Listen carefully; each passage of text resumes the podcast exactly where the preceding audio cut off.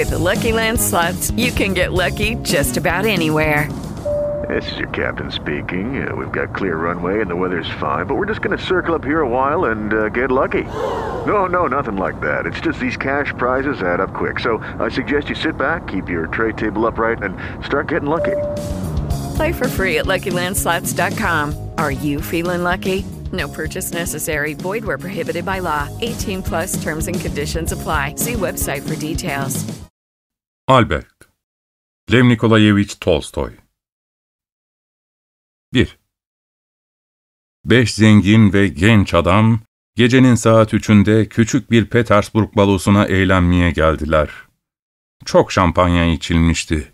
Bayların büyük bir kısmı çok genç, kızlar güzeldi. Piyano ve keman, polka üstüne polka çalıyor, dans ve gürültünün arkası kesilmiyordu. Ama ortalıkta can sıkıcı, durgun bir hava vardı. Sık sık olduğu gibi, herkes nedense umduğunu bulamamanın kırgınlığı içindeydi. Birkaç kere eğleniyorlarmış gibi yapmaya çalışmışlarsa da, yapmacık neşe can sıkıntısından daha beter olmuştu. Yeni gelenler arasında kendinden, yanındakilerden ve bütün akşamdan hiç memnun olmayan biri, içinde bir bulantıyla ayağa kalktı, şapkasını buldu, sıvışıp gitmek niyetiyle dışarı çıktı. Holde kimse yoktu. Yalnız komşu odanın kapısı ardından birbiriyle tartışan iki ses işitiliyordu. Adam biraz durdu, kulak verdi. Bir kadın sesi. ''Olmaz, orada konuklar var.'' diyordu.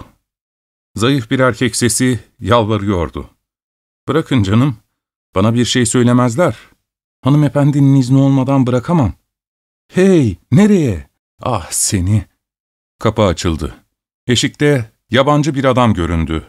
Hizmetçi kız, holde konuğu görünce onu tutmaktan vazgeçti. Yabancı adam, ürkekçe selam verip çıplak bacakları üzerinde sallanarak içeri girdi. Bu, dar, kambur sırtlı, uzun dağınık saçlı, orta boylu biriydi. Kısa bir paltosu, eciş bücüş çizmelerinin üstünde dar, yırtık bir pantolonu vardı. Urgan gibi dolanmış bir kravat, uzun beyaz boynunu sarıyordu. Zayıf elleri üzerine gömleğinin kirli uçları çıkmıştı. Vücudunun çok fazla zayıf olmasına rağmen ince, beyaz bir yüzü vardı. Hatta seyrek siyah sakalı ve favorileri arasındaki yanaklarında bir kırmızılık oynuyordu. Arkaya atılmış taranmış saçları dar, tertemiz alnını açıkta bırakıyordu. Yorgun kara gözleri tatlı bir ifadeyle ileri doğru ararcasına aynı zamanda cakayla bakıyordu. Gözlerinin ifadesi seyrek bıyığının arasından görünen köşeleri kıvrık, körpe dudaklarının ifadesiyle büyüleyici bir şekilde kaynaşıyordu. Yabancı birkaç adım atarak yerinde durdu, genç adama döndü, gülümsedi. Gülümsemek için sanki kendini zorluyordu. Ama tatlı bir gülümseme yüzünü aydınlatınca, niçin olduğunu bilmeden genç adam da gülümsedi. Yabancı, müzik sesleri gelen odaya girer girmez genç adam hizmetçiye fısıltıyla sordu. ''Kimdir bu?'' ''Tiyatrodan serseri bir müzisyen. Ara sıra bizim hanımı görmeye gelir.'' Bu sırada salondan ''Hey, Delesov, nereye gittin yahu?'' diye sesleniyorlardı. Delesov adındaki genç adam salona döndü. Müzisyen, kapının yanında durup dans edenlere bakarken, gülümsemesi, bakışı, ayaklarını yere vuruşuyla bu manzaranın kendisine verdiği kıvancı anlatıyordu. Konuklardan biri ona, ''Hey, siz de dansa gelsenize!'' dedi. Müzisyen selam verdi. Evin hanımına sorarcasına baktı. Kadın araya girdi. ''Yürüyün, yürüyün beyler, çağırdıktan sonra daha ne duruyorsunuz?''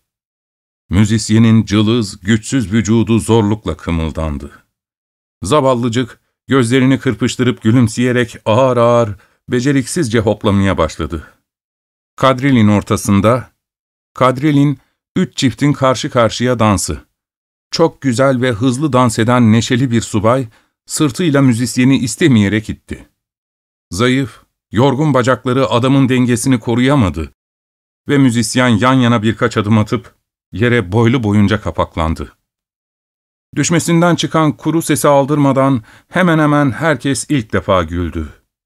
Ama müzisyen yerinden kalkmıyordu. Herkes susmuştu. Piyano bile çalmaz olmuştu. Düşen adamın yanına ilk koşanlar Delesoğla evin hanımı oldular. Adam dirseklerine dayanmış, yere baygın baygın bakıyordu. Kaldırıp bir sandalyeye oturttukları zaman, kemikli elinin çabuk bir hareketiyle saçlarını alnından yukarıya itti, sorulara cevap vermeden gülmeye başladı. Evin hanımı telaşla, ''Bay Albet, Bay Albet, bir yeriniz acıdı mı? Nereniz acıdı? Dans etmeyin der dururum size.'' diyordu. Sonra yanındakilere dönerek, ''Öyle de zayıf ki, güçlükle yürüyor. Dans etmek onun nesine?'' diye devam etti. Kadınlar sordular. ''Kimdir bu?''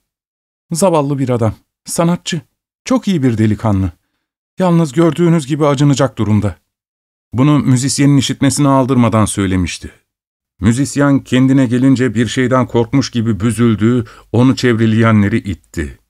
Göze çarpan bir çabayla sandalyeden doğrulurken, ''Bir şey olmadı.'' dedi.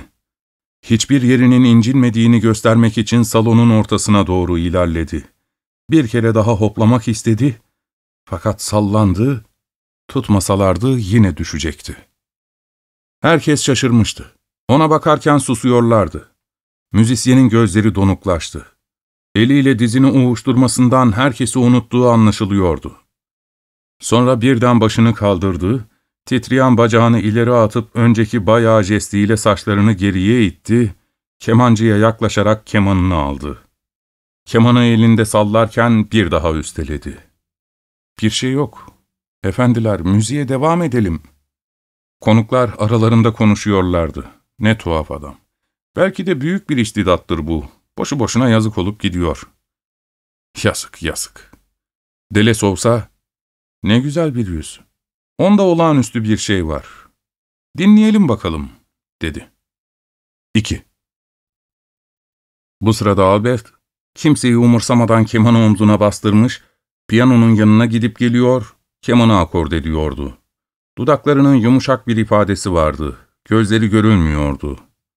Kemikli dar sırtı, uzun beyaz boynu, yampiri bacakları, dağınık siyah saçları bir tuhaftı. Ama hiç de gülünç olmayan bir görünüşü vardı adamın. Kemanı akord edince canlı bir şekilde yayı çekti, başını geriye attı, eşlik etmeye hazırlanan piyaniste döndü, emredici bir jestle ona ''Sol majör, melankoli'' dedi. Hemen bunun peşinden emredici jestinden dolayı özür diler gibi saygıyla gülümsedi, bu gülümseyişiyle kalabalığı gözden geçirdi. Yayı tutan eliyle saçlarını geriye attı, piyanonun köşesinde durdu, yayı akıcı bir hareketle tellerden geçirdi. Duru, hoş bir ses odayı doldurdu. Herkes kulak kesildi. Umulmadık derecede parlak, dindirici ışıklarıyla dinleyenlerin iç dünyasını aydınlatan melodi, ilk seslerin peşinden serbest, zarif bir şekilde saçıldılar, serpildiler. Falsolu ve ölçüsüz hiçbir ses dinleyenlerin dikkatini dağıtmıyordu. Bütün sesler açık, güzel ve anlamlıydılar. Herkes susmuş, umut titriyişiyle melodinin gelişmesini izliyordu. İçinde bulundukları gürültülü eğlenceden, can sıkıntısından ve uyuşukluktan kurtularak, farkında olmaksızın unuttukları bambaşka bir aleme geçivermişlerdi. Kah geçmişlerinden sessizce kopup gelen anılar, kah sınırsız debdebe ve nüfuz isteği, kah hüzün ve doyulmamış bir aşk, kah mutlu bir olayın yürekleri tutuşturan hatırası ruhlarına doluyor, doluyordu. Albert, her notayla biraz daha yükseliyordu. Çirkin ya da tuhaf olmaktan çok uzaktı. Kemanı çenesiyle sıkarken, kendi çıkardığı sesleri ihtiraslı bir dikkatle dinliyordu. Bu sırada da ayakları sarsılarak durmadan oynuyordu. Kah olanca boyuyla dikeliyor, kah sırtını iyice kamburlaştırıyordu. Zorlamayla bükülen sol eli öylece donmuş kalmış gibiydi. Yalnız kemikli parmakları tellerde ihtilaşla oynuyordu. Sağ eli akıcı, zarif, belli belirsiz kımıldanıyordu. Yüzü kesintisiz, gururlu bir sevinçle ışıldıyordu. Gözleri parlak, kuru bir ışıkla alevleniyor, burun delikleri kabarıyor, kırmızı dudakları zevkten aralanıyordu. Arada bir başı kemana iyice eğiliyor, gözleri kapanıyor, Saçlarının yarı yarıya örttüğü yüzü tatlı bir mutluluk gülümsemesiyle aydınlanıyordu. Ara sıra birden dikeli veriyor, ayağını ileri atıyor, temiz alnı, odayı süzdüğü ışıklı gözleri gururla, gücünü anlamış olan birinin azametiyle parlıyordu. Bir keresinde piyanist yanılıp yanlış bir ölçü tutturdu. Müzisyenin bütün vücudunda ve yüzünde fiziki bir acı belirdi. Bir saniye durdu, bir çocuk öfkesiyle ayaklarını geri vurarak bağırdı. ''Daha ağır!'' Piyanist düzelince Albert gözlerini kapattı, gülümsedi, kendini, öbürlerini, bütün dünyayı yeniden unutup mutlulukla yaptığı işe teslim oldu. Albert'in keman çalması sırasında odada bulunan herkes saygılı sessizliklerini sürdürdüler. Sanki yalnız onun çıkardığı seslerle soluk alıp yaşıyorlardı. Neşeli subay, pencere kenarındaki bir sandalyede kımıldamadan oturuyor, canlılığını yitirmiş gözlerini döşemeye dikerek ağır ağır ve seyrek soluk alıyordu. Kızlar konuşmaksızın duvar diplerinde oturuyorlar, arada bir anlayamama derecesine varan beğenmeyle bakışıyorlardı. Evin hanımının gülümseyen tombul yüzü zevkten yaygınlaşmıştı. Piyanist, Albert'in yüzüne gözlerini dikiyor, gerilen bütün vücudunu anlattığı yanılma korkusuyla onu izlemeye çalışıyordu. Öbürlerinden daha çok içmiş olan bir konuk, sedirde yüzü koyun yatmış, heyecanını açığa vurmamak için kımıldamamaya çalışıyordu. Deleso alışmadığı bir duyguyu tadıyordu. Soğuk bir çember bir daralıp bir genişleyerek başını sıkıyordu. Saç dipleri karıncalanıyordu. Sırtından yukarı bir soğuk dalgası geçiyor, boğazında bir şey gittikçe yükseliyor, sanki incecik iğnelerle burnunun içini, damağını iğneliyorlardı. Farkında olmadan gözyaşları yanaklarını ıslatıyordu. Sarsılarak ağlarken gözyaşlarını kimse görmeden içine çekmeye ya da silmeye çalışıyor ama yaşlar yine de yüzünden aşağıya akıyordu. İzlenimlerin tuhaf şekilde örtüşmesinden olacak, Albert'in kemanının sesleri onu ilk gençliğine sürüklemişlerdi. O çağlarını geçirmiş, yaşamaktan yorgun, bitkin adam, kendini 17 yaşında, güzelliğiyle gururlanan, mutluluktan aptal, sevincinin sebebini bilmeyen biri olarak hissediyordu. Pembe entarili kuzenine olan ilk aşkı hatırına geldi.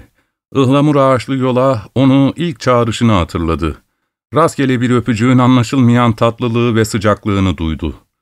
O zaman onları çevreleyen doğanın çözülemeyen esrarengizliği ve büyüsünü hatırladı. Geçmişe dönen muhayyilesinde belirsiz ümitler, anlaşılmayan istekler, imkansız mutluluğun imkanına inanma şaşkınlığı içerisinde o kadın parlıyor, parlıyordu. O zamanın değerlendirilmeyen bütün dakikaları birbiri ardından gözü önünde ayaklanıyordu. Bu ayaklanma, koşan şimdiki zamanın bir şey anlatmayan hatıraları gibi değil, geçmişin durduğu yerden büyüyen, sitem eden şekilleri gibiydi. Deleso bu şekilleri hayranlıkla seyrederken ağlıyordu. Ama o, daha iyi kullanabileceği zamanın geçmesinden dolayı değil, bu zamanı kendisine geri verselerdi daha iyi harcamaya kalkışmazdı. Bu zamanın geçtiğinden, bir daha da geri dönmeyeceğinden dolayı ağlıyordu. Hatıralar ardı ardına canlanıyordu. Albert'in kemanı ise hep aynı şeyi söylüyordu. Keman, senin kuvvet, aşk ve mutluluk devrin geçti artık. Geçti ve bir daha dönmeyecek. Ağla, gözyaşı dök. Geçen zamanların için dökeceğin gözyaşları içinde öl. Sana kalan en büyük mutluluk işte budur, diyordu. Son çeşitlemenin bitimine doğru Albert'in yüzü kızarmıştı. Gözleri durmadan parlıyor, iri ter damlaları yanaklarından aşağıya süzülüyordu. Alın damarları şişmişti. Bütün vücudu gittikçe hareketleniyor, solan dudakları artık kapanmıyordu. Vücudunun her zerresiyle hazzı olan susuzluğunu gösteriyordu.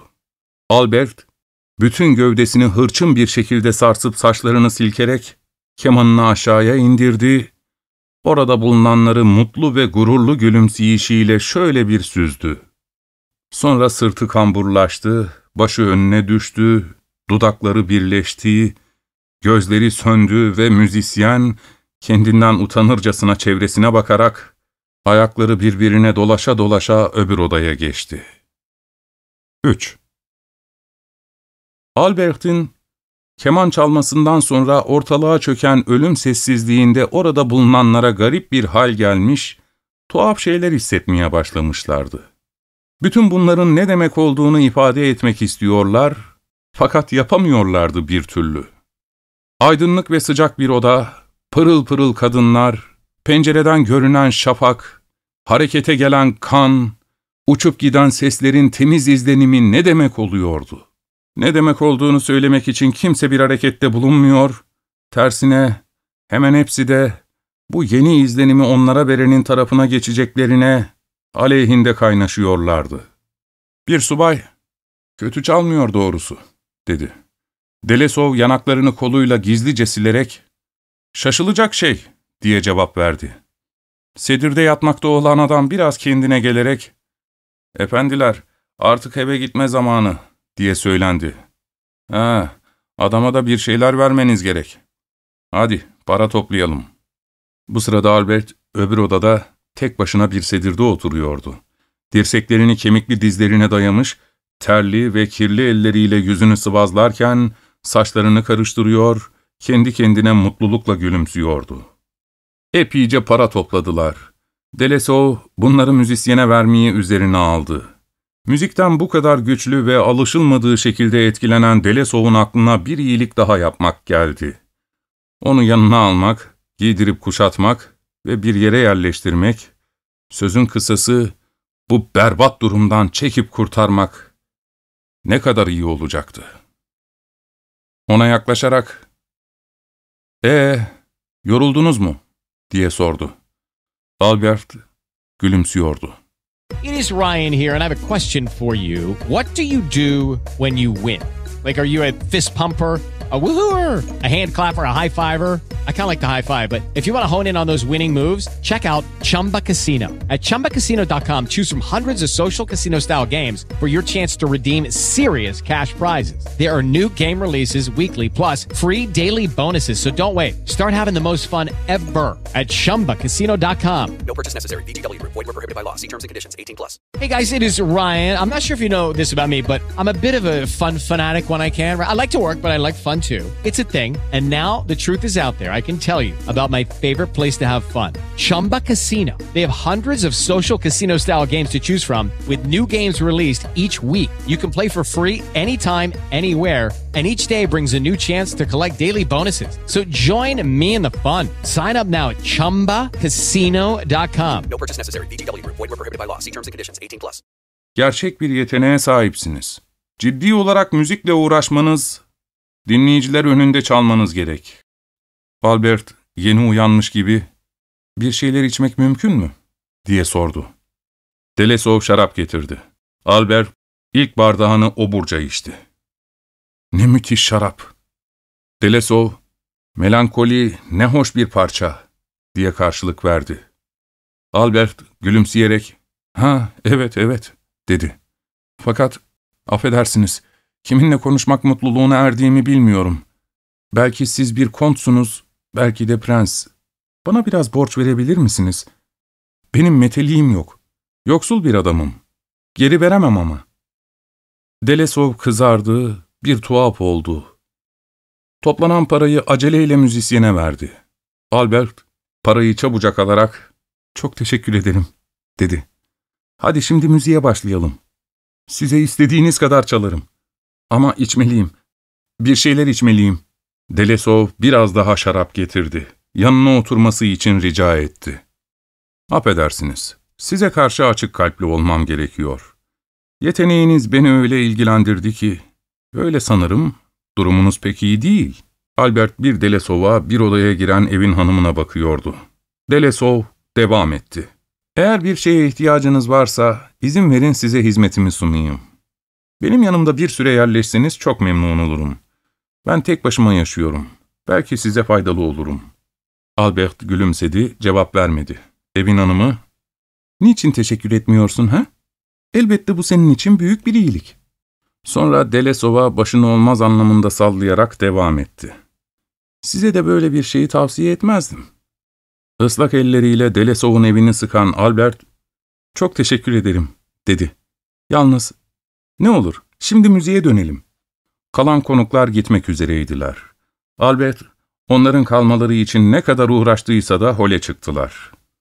Albert, evin hanımıyla vedalaştı, geniş kenarlı eski şapkasını ve tek kışlık giyeceği olan yazlık eski pardösüsünü giydi, Delesov'la birlikte ön merdivenlere çıktı. Delesov yeni arkadaşıyla birlikte kupa arabasına biner binmez müzisyene sinen pis içki ve kir kokusunu hissederek, davranışından dolayı pişman olmaya, kendisini çocukça yufka yürekliliğinden ve düşüncesizliğinden ötürü suçlamaya başladı. Bundan başka Albert'in konuştukları öyle aptalca ve bayağıcaydı. Hem açık havaya çıkınca öyle sarhoş olmuştu ki Delesov ondan iğrenmeye başladı. Onu şimdi ne yapacağım diye düşünüyordu. Çeyrek saat sonra Albert'in sesi kesildi. Şapkası ayaklarının ucuna düştü. Kendisi de arabanın bir köşesine yığılıp kalarak horlamaya başladı. Donmuş karda dönen tekerler bir örnek gıcırdıyor, şafağın zayıf aydınlığı, buz tutmuş pencerelerden içeri hafifçe sızıyordu. Delesov yanındaki adama dönüp baktı. Pardesüsüyle yan örtük uzun gövdesi köşede ölü gibi yatıyordu. Adamın gölgede kalan büyük burnu başıyla birlikte sanki sallanıyormuş gibi geldi Delesov'a. Fakat daha yakından bakınca yüz ve burun diye kabul ettiği şeyin saç olduğunu, gerçek yüzünün daha aşağıda bulunduğunu gördü. Eğilip bakınca Albert'in yüz hatlarını iyice seçti. O zaman bu alnın ve huzurla kapanmış ağzın güzelliği onun yine hayranlığını kazandı. Yorulan sinirlerinin, sabaha kadar uykusuz kalmanın ve işittiği müziğin etkisiyle Delesov bu yüze bakarken geceliğin bir ara girdiği mutlu aleme doğru yeniden sürüklendi. Gençliğin sevinç dolu, cömert günleri gene hatırına geldi. Davranışından dolayı pişmanlık duymamaya başladı. O anda Albert'i candan bir sıcaklıkla seviyordu. İyilik yapmaya kesinlikle karar verdi. 4. Ertesi sabah görevine gitmesi için uyandırdıklarında Delesov, nahoş bir şaşırmayla çevresindeki eski paravanasını, eski uşağını, masadaki saati gördü. Kendi kendine, ''Her gün gördüğüm şu şeylerden başka ne görmek isterdim acaba?'' diye sordu. Bu sırada hatırına müzisyenin kara gözleri, mutlu gülümseyişi geldi. Melankolinin melodisiyle dünkü bütün garip geceyi hatırladı. Ne var ki müzisyeni yanına almakla iyi mi yoksa kötü mü ettiğini düşünecek vakti yoktu.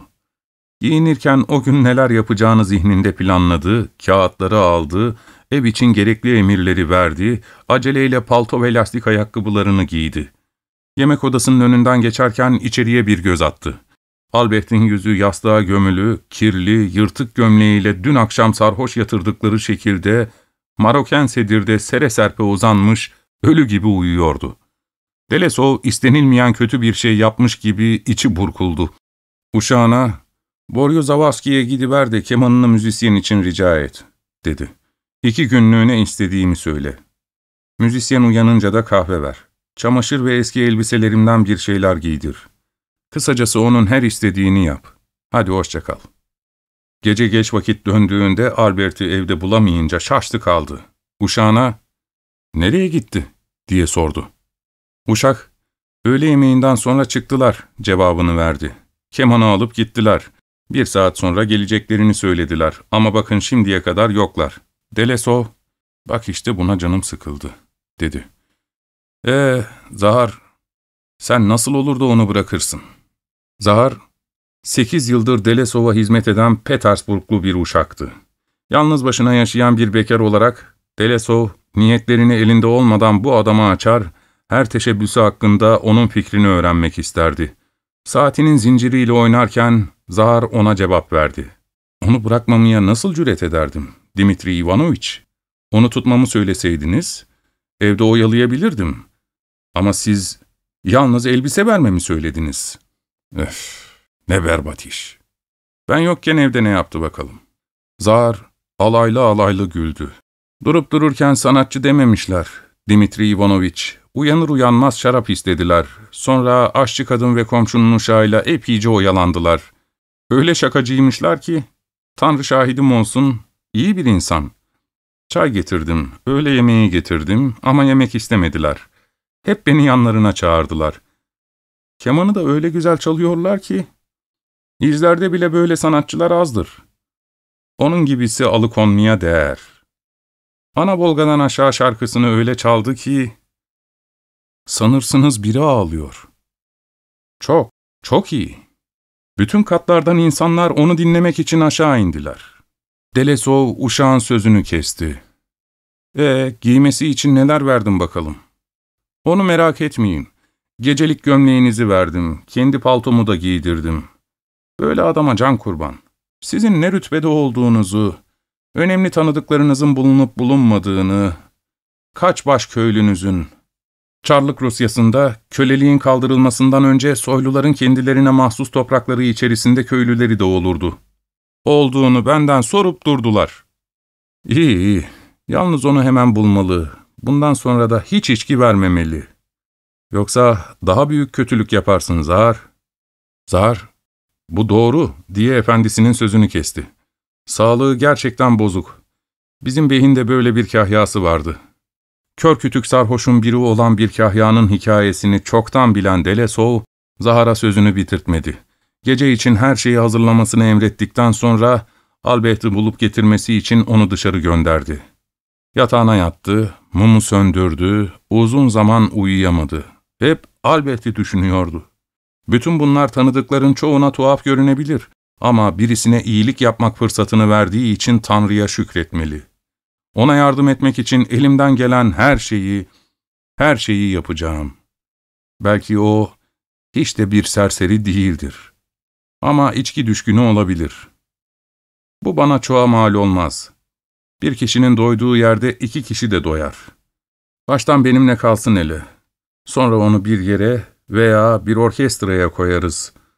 Böylece de adamı sığa oturmaktan kurtarırız. Sonrası Allah kerim diye geçiriyordu aklından. Bu düşüncelerden sonra kendinden memnun, rahatladı. Gerçekten ben pek kötü bir adam değilim. Hatta hiç de kötü değilim. Hele başkalarına oranla çok iyi biriyim, diye düşündü. Açılan kapılar ve holde işitilen ayak sesleri dikkatini çektiği zaman uyumak üzereydi. Ona sert davranmalıyım. Böylesi daha iyi. Bunu yapmalıyım, dedi kendi kendine. Çıngırağı çaldı, içeri giren Zahar'a sordu. ''Getirdin mi?'' Zahar başını anlamlı anlamlı sallayıp gözlerini kapayarak, ''Dimitri Ivanoviç, bu çok zavallı bir adam.'' dedi. ''Sarhoş mu yoksa?'' ''Çok zayıf. Keman da yanında mı?'' ''Getirdi, evin hanımı verdi.'' ''Peki. Lütfen şimdi onu buraya sokma. Yatır ve yarın evden dışarı bırakma.'' Zahar, daha çıkmaya vakit bulamamıştı ki Albert içeri daldı. 5. Gülümseyerek, ''Uyumak mı istiyordunuz?'' dedi. ''Ben orada, Anna Ivanovna'daydım. İyi bir akşam geçirdim. Müzik vardı, güldük eğlendik. Hoş bir topluluktu doğrusu.'' Küçük masada duran su dolu sürahiye sarılarak devam etti. ''Bir bardak bir şey içmeme izin verin. Fakat su olmasın.'' Albert, tıpkı geçen akşamki gibiydi.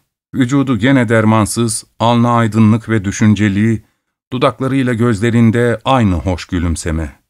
Zahar'ın paltosu üzerine tam gelmişti.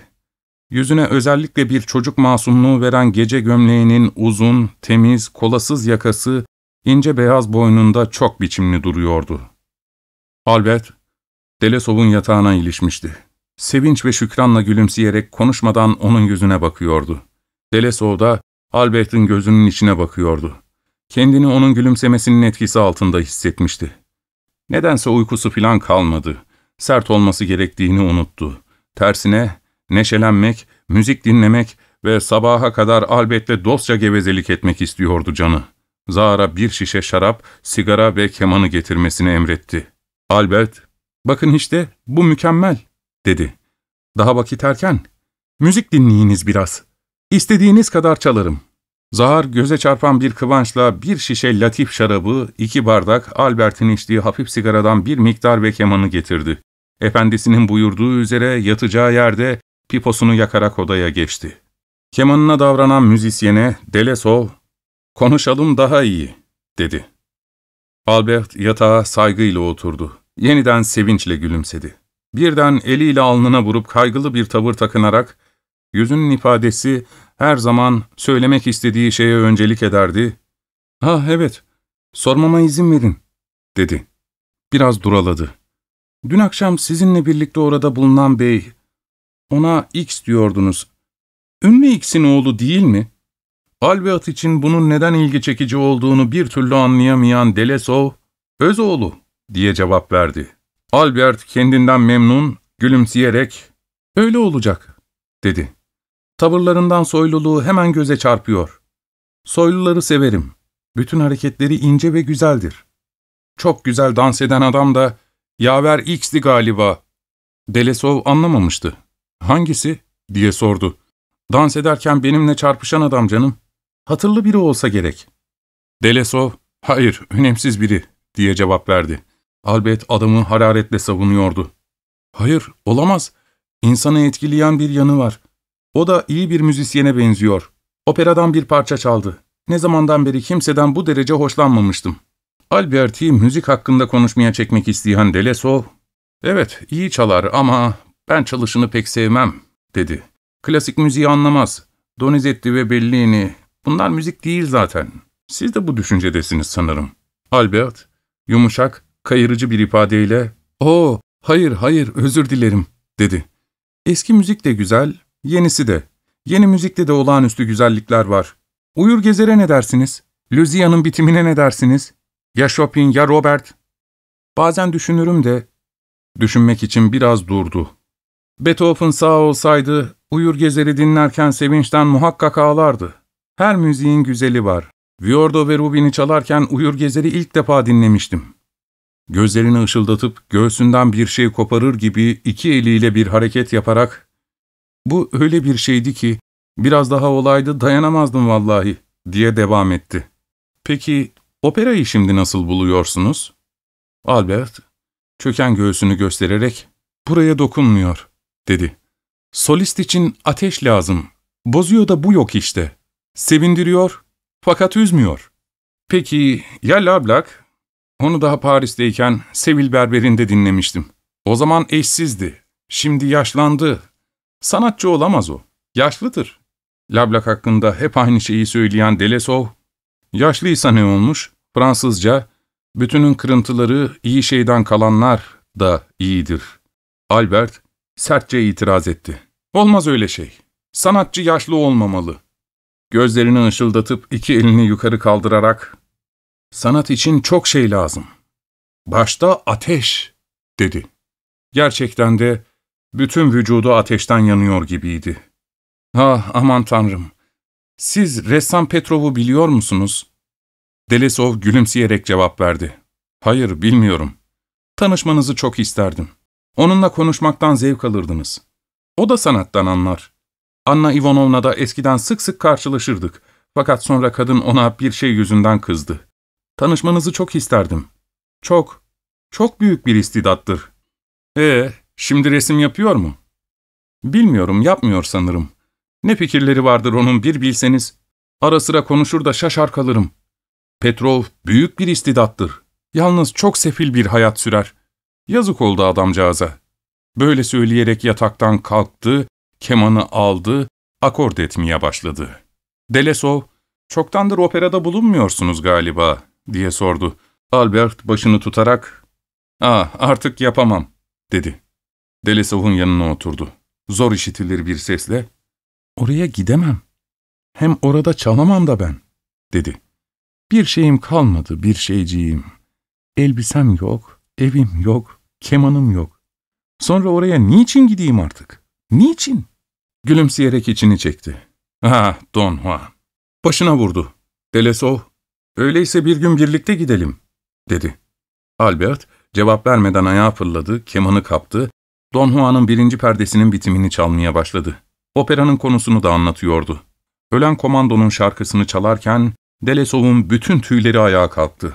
Albert kemanı bırakarak Judy was boring. Hello. Then Judy discovered ChumbaCasino.com. It's my little escape. Now Judy's the life of the party. Oh, baby, Mama's bringing home the bacon. Whoa, take it easy, Judy.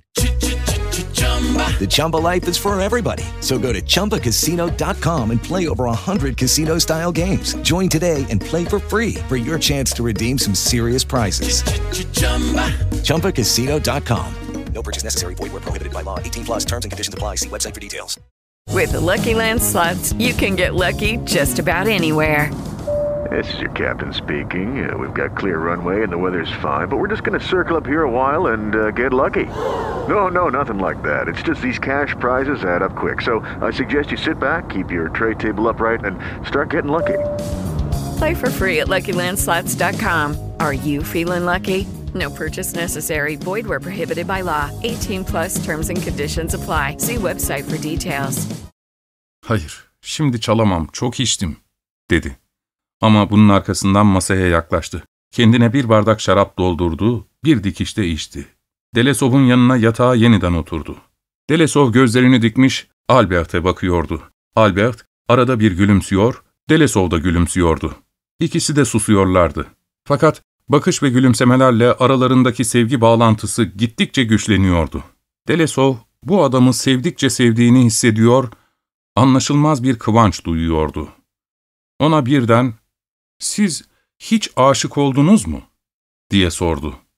Albert, birkaç saniye düşünceye daldı. Sonra yüzü hüzünlü bir gülümsemeyle aydınlandı. Delesov'a doğru eğildi. Gözlerinin içine dikkatle baktı. Fısıltıyla, ''Benden bunu niçin sordunuz?'' dedi.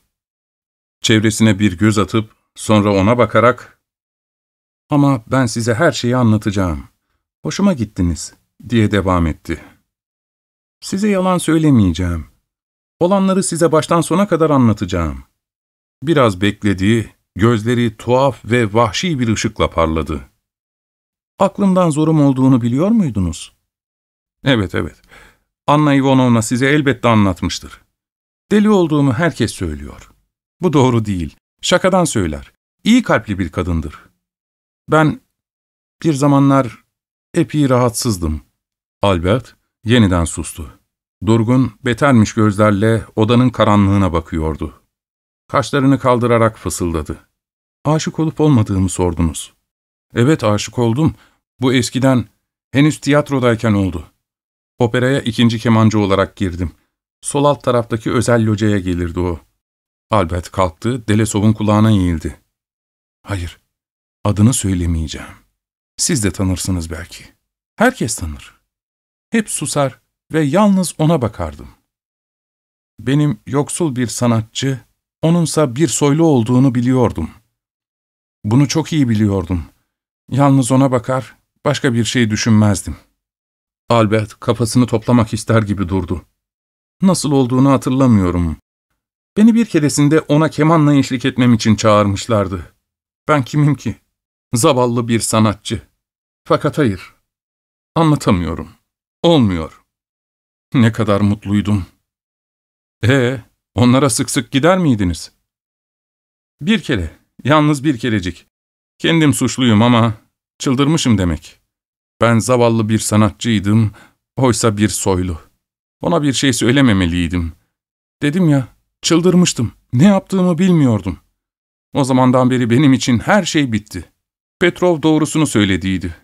Onu yalnız tiyatroda görmeliydim. Ne yaptınız ki? Ah, durun durun, bunu anlatamam. Yüzünü elleriyle kapayıp bir zaman sustu. Orkestraya geç gelmiştim. O akşam Petrov'la içmiştik. Sıkıntıdan patlayacak gibiydim. Kız locasında oturuyor, bir generalle konuşuyordu. Generalin kim olduğunu bilmiyorum. Ta kıyıda oturuyordu. Ellerini locanın kenarına koymuştu. Beyaz bir elbisesi, boynunda incileri vardı. Generalle konuşuyor, bana bakıyordu. Saçlarının biçimi şöyleydi işte. Ben çalmıyordum, basın yanında duruyor, bakıyordum. İlk defa o sırada bana tuhaf bir şey oldu. O yine generale gülümsedi. Fakat bana baktı. Hakkımda konuştuğunu hissetmiştim. Birden kendimi orkestrada değil de locada, onun yanında, elinin şurasından tutarken gördüm. Nasıl bir şey bu? Delesov, hayal gücünün canlılığı, dedi. Albert yüzünü buruşturarak, hayır, hayır, anlatamıyorum gene. O zaman çok yoksuldum. Evim de yoktu. Tiyatroya gidince ara sıra orada gecelerdim. Nasıl? Tiyatroda mı? Karanlık. Boş salonda mı? Ah, bu aptallıklarımdan korkmuyorum. Ama durun.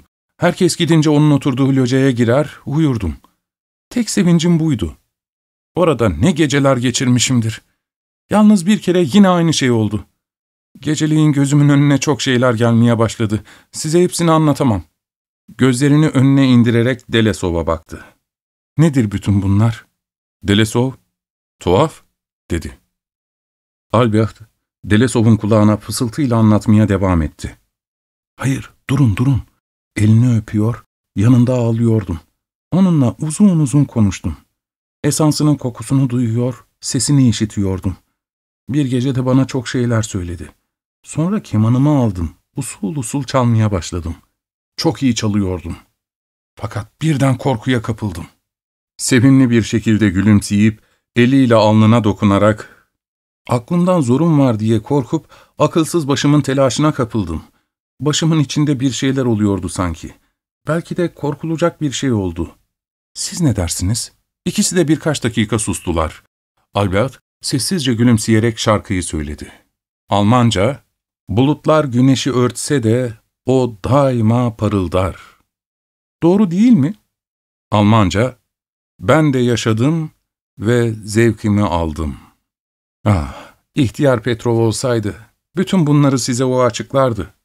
Delesol susarken muhatabının heyecanlı solgun yüzüne korkuyla bakıyordu. Albert, hukuk valsini biliyor musunuz? diye sordu. Ve cevap beklemeksizin ayağa fırladı, kemanını kaptığı gibi neşeli bir vals çalmaya başladı. Büsbütün kendinden geçmişti. Arkasında büyük bir orkestranın çaldığını farz ederek gülümsüyor, salınıyor, ayaklarını bir yerden öbür yere koyuyor, çalıyor, çalıyordu. Valsi bitirince kemanı sallayarak, ''E, eğlenme zamanı geldi.'' dedi. Konuşmadan biraz oturduktan sonra, ''Gideyim.'' dedi. ''Siz gelmeyecek misiniz?'' Delesov şaşkınlıkla sordu. ''Nereye?'' ''Anna Ivanovna'ya.'' ''Orası neşeli, kalabalık, müzik.'' İlk anda Delesov neredeyse razı olacaktı.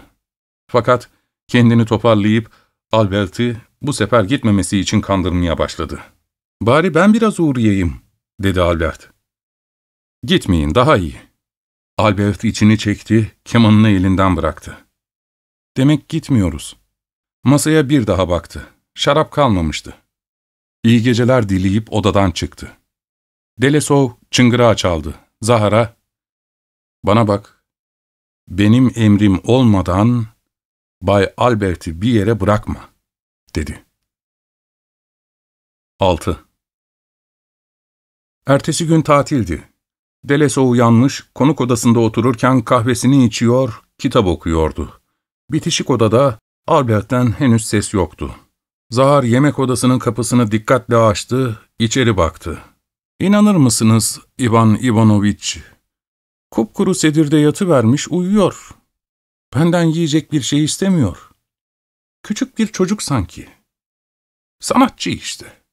Saat 12'de kapının ötesinden öksürük ve boğaz temizleme sesleri işitildi. Zahar yine öteki odadaydı. Delesov, Zahar'ın yumuşak, Albert'in ise zayıf, yalvaran sesini işitti. Zahar odasına girince, ''E ne var ne yok?'' diye sordu. İçi sıkılıyormuş Dimitri Ivanoviç. Elini yüzünü yıkamak istemiyor. Suratı asık. Hep içki istiyor. Delesov kendi kendine, ''Hayır, madem ki başladım, irademi kullanmalıyım.'' diye söylendi. Ve şarap vermemesini buyurup yine kitap okumaya koyuldu. Fakat elinde olmadan yemek odasında olanlara kulak kabartıyordu. İçeride bir hareket yoktu. Ancak arada bir derinden şiddetli öksürükler, ardından tükürmeler işitiliyordu. İki saat daha geçti. Delesov giyindi, evden çıkmadan müzisyene bakmaya karar verdi. Albert, pencerenin önünde hareketsiz oturuyordu. Başı kollarına düşmüştü.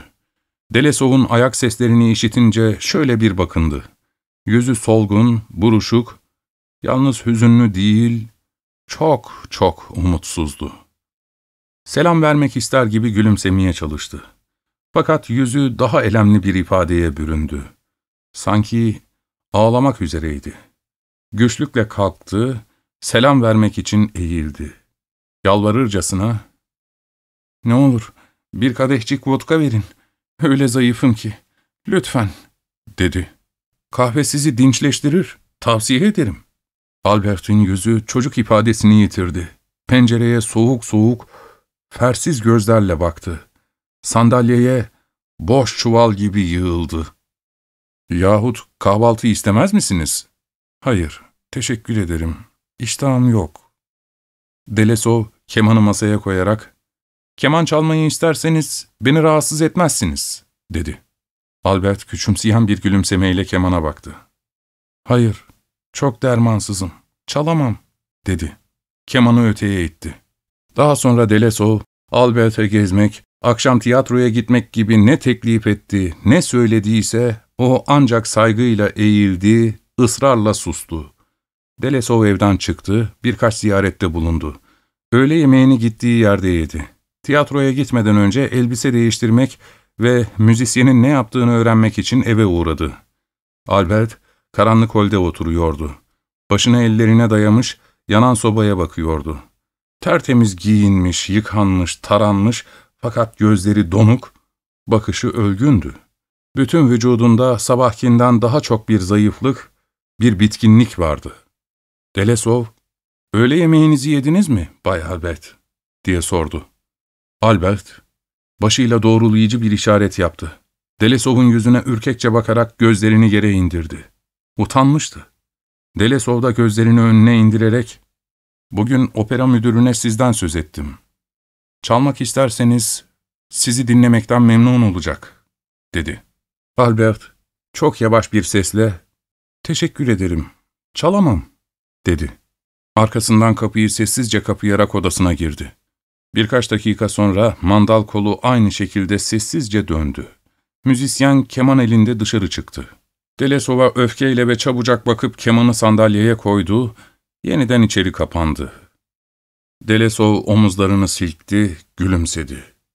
''Daha başka ne yapabilirim? Benim suçum ne?'' diye söylendi. Geç vakit eve döndüğünde ilk sorusu, ''E, müzisyen nasıl?'' oldu. Zahar çınlayan sesiyle kısaca, ''Kötü'' diye cevap verdi. Hep içini çekiyor, öksürüyor, bir şey söylemiyor. Yalnız dört beş kere şarap rica etti. Ne yapayım? Bir keresinde verdim. Yoksa Dimitri Ivanoviç, zavallıyı mahvederiz. İşte Kahya da böyle. Keman çalmadı mı? Zahar gülümseyerek cevap verdi. Elini bile sürmüyor. İki üç kere aldım, içeri götürdüm. Şöyle usulcacı kaldı, sonra tekrar dışarıya getirdi. E, içki vermemi emreder misiniz? Hayır, bir gün daha bekleyelim. Ne olacağını görelim. Şimdi ne yapıyor? Konuk odasına kapandı. Delesov odasına gitti. Birkaç Fransızca kitap, bir de Almanca İncil aldı, Zahar'a, ''Bu kitapları yarın odasına koy. Bana bak, sakın dışarı bırakma.'' dedi. Ertesi sabah Zahar, müzisyenin bütün gece uyumadığını haber verdi. Hep odalarda gezmiş, büfeye gelmiş, dolabı ve kapıyı açmaya uğraşmış fakat uğraşması boşunaymış, her şey kilitliymiş. Uyur numarası yapan Zahar, onun karanlıkta kendi kendine bir şeyler mırıldandığını, elini kolunu salladığını işitmiş. Her geçen gün Albert daha üzüntülü oluyor, daha az konuşuyordu. Delesov'dan çekiniyor gibiydi. Gözleri karşılaşınca yüzünde marazlı bir ürperti beliriyordu. Eline ne kitap ne de keman alıyor, sorulan sorulara cevap bile vermiyordu. Müzisyenin gelişinin üçüncü günü Delesov eve geç vakit döndü. Yorgun ve tedirgindi. Bütün gün sağa sola koşmuş, başlangıçta çok kolay ve basit gelen işleriyle uğraşmış ama her zaman olduğu gibi artan çabasına rağmen bir adım olsun ileri gidememişti. Bundan başka oyun oynamak için gittiği kulüpte ütülmüştü. Keyifsizdi. Albert'in üzücü durumunu öğrenince Zahar'a ''Of, Allah müstahakını versin.'' diye bağırdı. ''Yarın ondan, yanımda kalıp tavsiyelerimi tutmayı isteyip istemediğini kesinlikle öğreneceğim.'' ''Hayır, böyle olmaz. Elimden gelen her şeyi yaptığımı sanıyorum.'' Kendi kendine şöyle düşünüyordu. ''Gel de insanoğluna iyilik yap. Onun için zahmete katlanıyor, pis haliyle evime alıyorum. Herkesten çekinir oldum. Uğraşıp didiniyorum. Fakat o, zevkim için onu kafese sokan bir zalimmişim gibi bakıyor bana. Daha önemlisi, kendi kendine bir adım bile ilerlemek istemiyor. Bunun gibilerin hepsi böyle işte. Bu hepsi sözü insanlara, özellikle bugün işinin düştüğü kimselere aitti.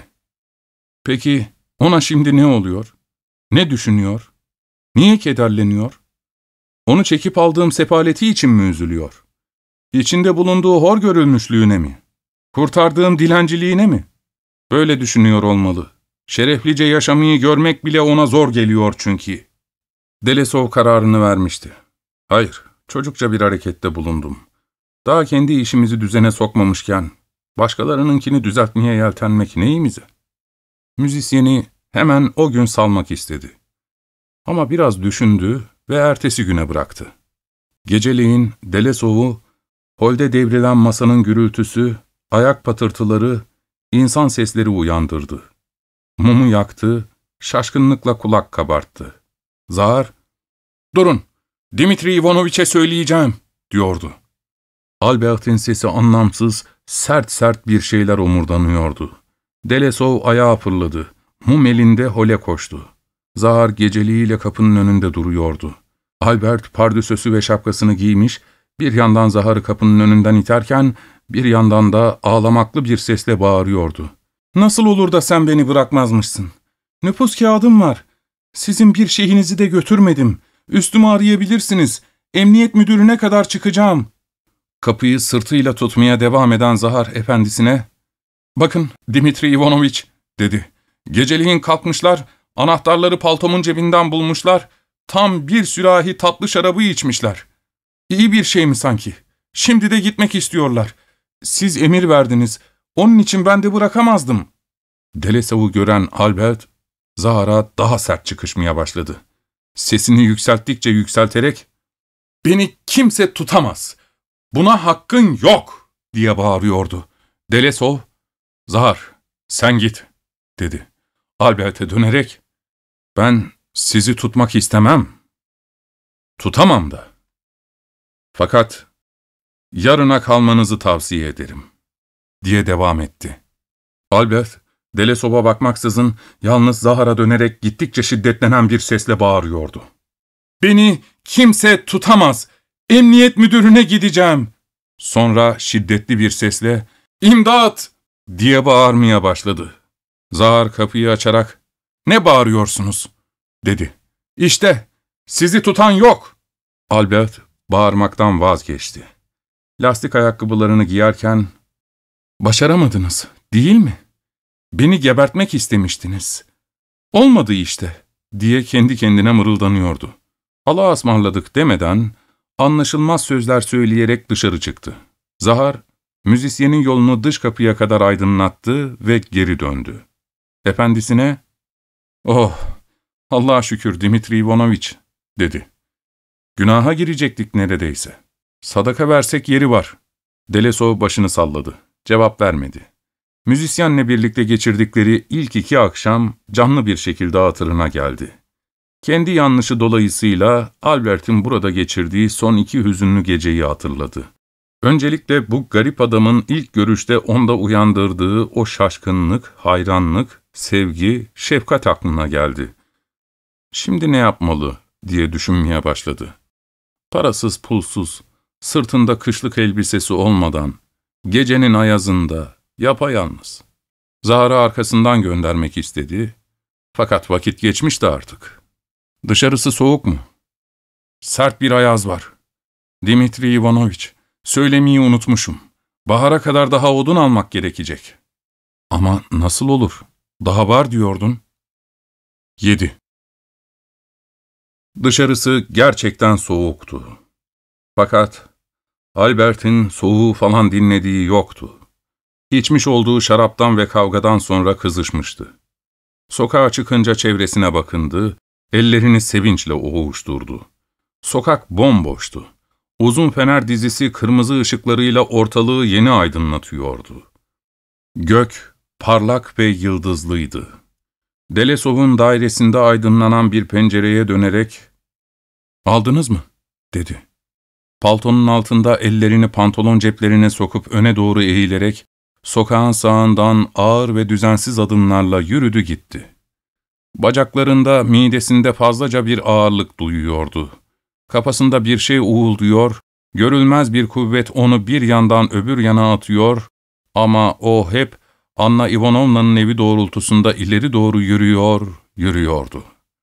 Zihninde tuhaf, bağlantısız düşünceler dolaşıyordu. Kah Zahar'la son atışmasını, kah nedense denizi, vapurla Rusya'ya ilk gelişini, kah önünden geçtiği bir dükkanda bir dostuyla birlikte geçirdiği bir geceyi hatırlıyordu. Kah tanıdığı bir ezgi hayalinde çalınmaya başlıyor ve tutkusunun nedenini, tiyatrodaki korkunç geceyi hatırlıyordu. Fakat bütün bağıntısızlığına rağmen hatıraları öyle bir parlaklıkla canlanıyordu ki, gözlerini kapayınca neyin daha gerçek olduğunu anlayamıyordu. Acaba yaptıkları mı yoksa düşündükleri mi?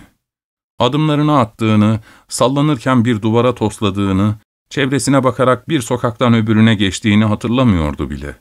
Hatırlayıp duyduğu tek şey, hayal şeklinde değişip karışarak kafasında beliren düşüncelerdi. Küçük deniz sokağından geçerken Albert tökezledi ve düştü. Biraz sonra kendisine gelince önünde koskoca, şatafatlı bir yapı gördü. Yine ileri doğru yürüdü. Gökte ne yıldızlar görünüyordu, ne şafak, ne ay. Fenerler bile yoktu. Gene de her şey açıkça seçiliyordu. Sokağın sonunda yükselen bir evin pencerelerinde ışıklar yanıyor, fakat bu ışıklar yansıma gibi salınıyorlardı. Ev, Albert'in önünde yaklaştıkça yaklaşıyor, büyüdükçe büyüyordu. Albert, geniş kapılardan içeri girince bu ışıklar kayboluverdi. İçerisi karanlıktı. Seyrek adımları kemerlerin altında çınlıyor, bir takım gölgeler, o yaklaştıkça kayarak gözden siliniyordu. Albert, buraya niçin geldim ben, diye düşündü. Yenilmez bir kuvvet onu ileriye, büyük salonun derinliğine çekiyordu. Orada yüksekçe bir yer vardı. Bu yükseltinin çevresinde bir takım küçük insanlar konuşmadan duruyorlardı. Albert, konuşacak olan kim? diye sordu. Kimse ona cevap vermedi. Yalnız birisi ona yükseltiyi gösterdi. Orada benekli sabahlığıyla uzun boylu, zayıf, diken diken saçlı bir adam duruyordu. Albert, dostu Petrov'u hemen tanıdı. Onun burada bulunması ne tuhaf, diye düşündü. Petrov birini göstererek, ''Hayır, kardeşlerim, aramızda yaşayan o adamı tanımadınız, onu anlamadınız. O, satılık bir sanatçı, makine gibi bir icracı, bir deli, düşmüş bir insan değildir. O bir dahi, aramızda fark edilip değeri anlaşılmadan yok olan bir müzik ustasıdır. Albert, dostunun kimden söz ettiğini anlayıverdi. Fakat onu utandırmak istemediğinden, alçak gönüllülükle başını önüne eğdi. Ses devam ediyordu. O, hepimizin hizmet ettiğimiz kutsal ateşten yanıp kül oldu. Fakat Tanrı'nın içerisine koyduğu yeteneği kullanmasını bildi. Bundan dolayı da o, büyük olarak adlandırılmalıdır. Siz onu hor görüyor, üzüyor, küçük düşürüyordunuz ama o, ölçüsüz derecede yüksekti, yüksektir ve yüksek kalacaktır. O mutludur, iyi kalplidir. Sevse de, küçümsese de herkese karşı eşit davranır. Hizmet ettiği şey Allah vergisi olan sanattır. Bir şeye, dünyanın kuşkusuz tek mutluluğu, güzelliğe tapar. Ses şiddetle bağırdı. İşte bakın, kimdir o? Önünde hepiniz yere kapanın, dize gelin. O sırada başka bir ses salonun karşı köşesinden yavaş yavaş konuşmaya başladı.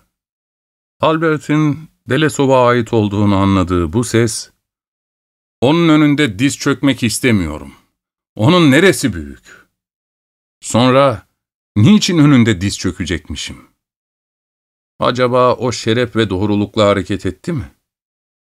Topluma bir fayda getirdi mi? Borç para alarak ödemediğini, bir sanatçı arkadaşının kemanını götürüp rehine verdiğini biz bilmiyor muyuz sanki?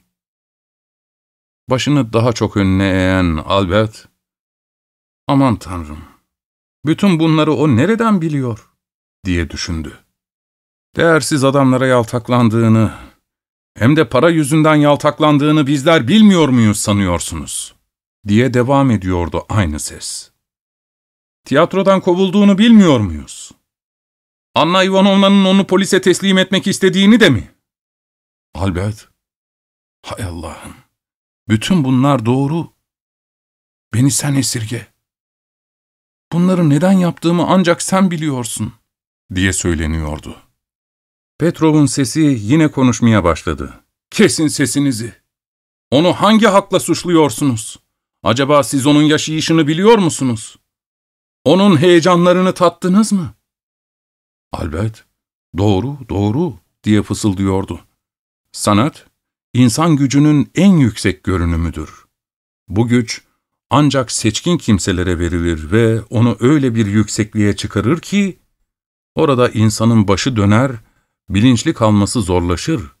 Her savaşta olduğu gibi, sanatta da kendilerini görevlerine adayan, amaçlarına ermeden yok olan kahramanlar vardır. Petrov sustu. Albert başını kaldırdı. Yüksek sesle bağırdı. Doğru, doğru! Fakat ses işitilmeden ölüp gitti. Ressam Petrov sertçe ona dönerek, ''Bu sizinle ilgili değildir.'' dedi. Sonra devam etti. ''Onu küçük görün, hor görün ama içinizde en iyisi ve mutlusu O'dur.'' Bu sözleri ruhunda bir mutlulukla dinleyen Albert dostuna yaklaştı, onu öpmek istedi. Petrov, ''Yıkıl karşımdan, ben seni tanımıyorum. Git kendi yoluna, yoksa evine varamayacaksın.'' cevabını verdi. Yol kavşağında bir gece bekçisi, ''Sarhoş sarhoş burada ne sallanıyorsun? Evine varamayacaksın.'' diye bağırıyordu. Albert durakladı, bütün gücünü topladı, sallanmamaya çalışarak ara sokağa saptı. Anna Ivanovna'nın evine birkaç adım kalmıştı. Holün ışıkları avlunun karlarına düşüyordu. Bahçe kapısının önünde kızak ve kupa arabaları vardı. Üşüyen elleriyle korkuluğa sarılarak merdivenlerden yukarıya koştu, zili çaldı. Hizmetçi uykulu yüzünü kapının deliğine yaklaştırdı, Albert'e öfkeyle baktı. ''Olmaz!'' Diye bağırdı. ''Bırakamam sizi. Hanımefendi emretti.'' Sonra deliğin kapağını çarptı. Müzik ve kadın sesleri merdivene kadar geliyordu. Albert yere oturdu, başını duvara dayadı, gözlerini yumdu. Hemen o anda aynı bağlantısız hayaller kalabalığı yeni bir kuvvetle zihnini sardılar, onu kollarına aldılar ve düşlerin özgür, güzel ülkesine sürükleyip götürdüler. Hayalinde, elinde olmadan, evet, en iyisi ve en mutlusudur sözleri tekrarlanıyordu. İçeriden polka sesleri işitiliyordu. Bu sesler de onun en iyi ve mutlu olduğunu söylüyordu. Yakın kiliseden bir çan sesi de aynı şeyi söylüyordu. Evet, o en iyi ve en mutludur. Albert düşünüyordu. Yine salona gideyim, Petrov bana daha çok şeyler söyleyecektir. Salonda kimsecikler yoktu. Ressam Petrov'un yerine yükseltide Albert kendisi duruyor, sesin önceden söylediği şeyleri kendisi kemanıyla çalıyordu. Kemanın tuhaf bir yapısı vardı. Bütünüyle camdandı. Ses vermesi için de Albert'in iki koluyla kucaklaması ve göğsüne hafifçe bastırması gerekiyordu. Sesler, Albert'in daha önce işittiklerinden çok daha tatlı, çok daha okşayıcıydı. Kemanı göğsüne bastırdıkça sevinci artıyor, daha çok haz duyuyordu. Sesler şiddetlendikçe gölgeler daha hızlı kaçışıyor, salonun duvarları parlak bir ışıkla aydınlanıyordu. Kemanı ezmemek için çok dikkatli çalmak gerekiyordu. Bu cam çalgıyı Albert çok dikkatli ve güzel çalıyordu. Kimsenin bir daha işitemeyeceğini hissettiği seslerdi onun çaldığı. Başka uzak ve boğuk bir ses onu kendine çektiği zaman Albert yorulmaya başlamıştı. Bu çan sesiydi. Ses hep evet sözünü söylüyordu. Uzak ve yüksekten uğuldarken çan, size zavallı görünüyor, Hepiniz onu küçümsüyorsunuz, halbuki o en iyi ve en mutludur. Bu çalgıyı kimse hiçbir zaman çalamayacaktır. Bu tanıdık sesler Albert'e öyle akıllıca, öyle yeni, öyle haklı geldi ki, kucakladığı kemanı çalmaktan vazgeçti. Kımıldanmamaya çalışarak ellerini ve gözlerini havaya kaldırdı. Kendini çok sevinçli, çok mutlu hissediyordu. Salonda kimsenin bulunmamasına aldırmadan göğsünü şişirdi. Başını gururla dikleştirdi, herkesin kendini görebilmesi için yükseltide ayakta durdu. Birdenbire birinin eli omzuna usulca dokundu. Geriye dönünce yan karanlıkta bir kadın gördü. Kendisine hüzünle bakıyor, başını olmaz anlamında sallıyordu. Albert, hemen yaptığı şeyin ayıp olduğunu anladı, kendinden utanmaya başladı. Kadın sordu, nereye böyle? Kadın ona bir daha dik dik, uzun uzun baktı. Başını kederle eğdi.